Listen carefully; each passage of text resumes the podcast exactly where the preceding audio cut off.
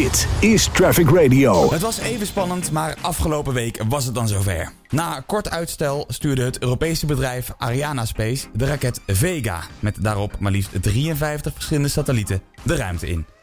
Een zeer belangrijke lancering, want nog nooit eerder zijn zoveel Europese satellieten tegelijk de ruimte ingestuurd. Aan de lijn heb ik Nathan Verkruisen van uh, Cosin Space. Uh, goedemiddag Nathan.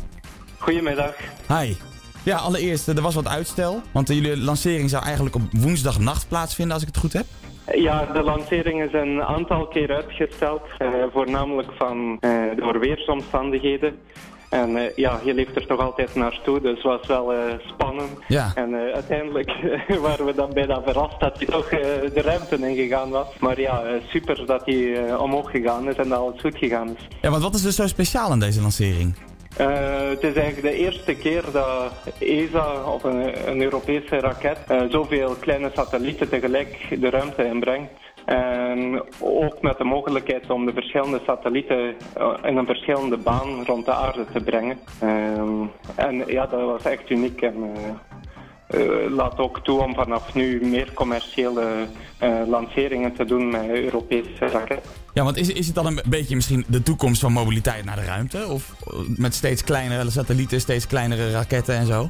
Ja, dus de mogelijkheden om met kleine satellieten aardobservatie te doen of andere wetenschappelijke doeleinden te dienen is echt enorm toegenomen. Ook de uh, de, satellieten zelf worden steeds beter. En waar je vroeger een heel grote satelliet voor nodig had, kan je nu eigenlijk ook met kleinere satellieten doen of deels doen op een uh, veel goedkopere en snellere manier.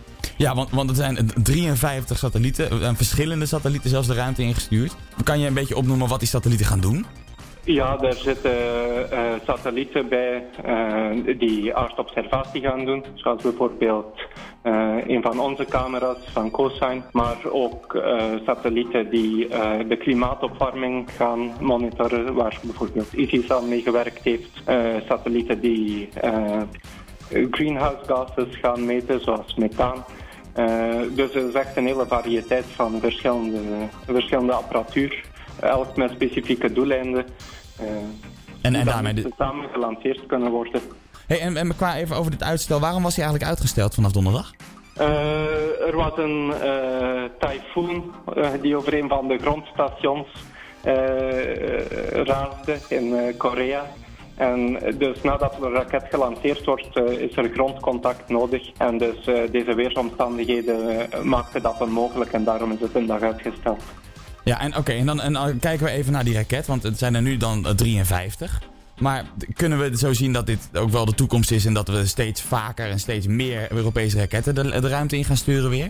Ja, ik denk wel dat er dus uh, steeds meer van uh, dit soort vluchten zullen komen. Aan de raket werken trouwens ook Nederlandse bedrijven mee, zoals Airbus maakt een deel van de trappen. Ehm, maar ja, dus ik denk van deze kleine satellieten en dit soort raketten zal inderdaad steeds meer voorkomen. En, en hoeveel bedrijven hebben nou een, een, ja, een aandeel gehad in deze ruimtereis? Uh, er zijn 21 uh, customers die dus verschillende satellieten leveren, maar elk van die customers heeft, heeft dan nog een veelheid aan bedrijven uh, die aan één satelliet werken.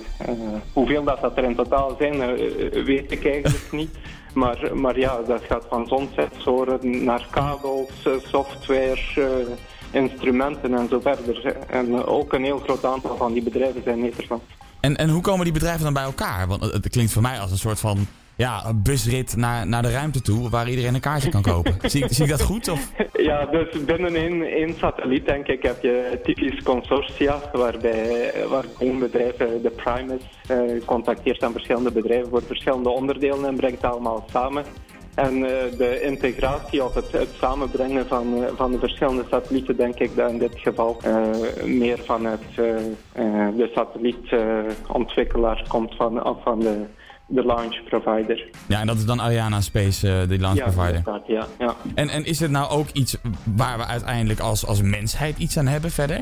Waar, waar bijvoorbeeld dat er zo meer mensen de ruimte in kunnen krijgen? Of, of is dat heel erg voorbarig? Uh, ik denk dat dit wel meer echt voor, voor satellieten is en niet voor human spaceflight. Het is echt de om met dit soort vluchten kleine satellieten op een efficiënte manier in de ruimte te krijgen. En op die manier wel de mensen te helpen, omdat je natuurlijk van alles te weten komt over, over de aarde en wat hier gebeurt en hoe je kan verbeteren. maar meer in het observatiegedeelte, denk ik. Ook telecommunicatie eventueel. Dus het is gewoon heel erg groot voor, voor heel veel andere bedrijven om best wel makkelijke satellietenruimte in te krijgen. Ja, inderdaad. Ja. Dan wordt het een stuk goedkoper zo. Dankjewel Nathan Verkruisen van Cozine Space. Dit is Traffic Radio.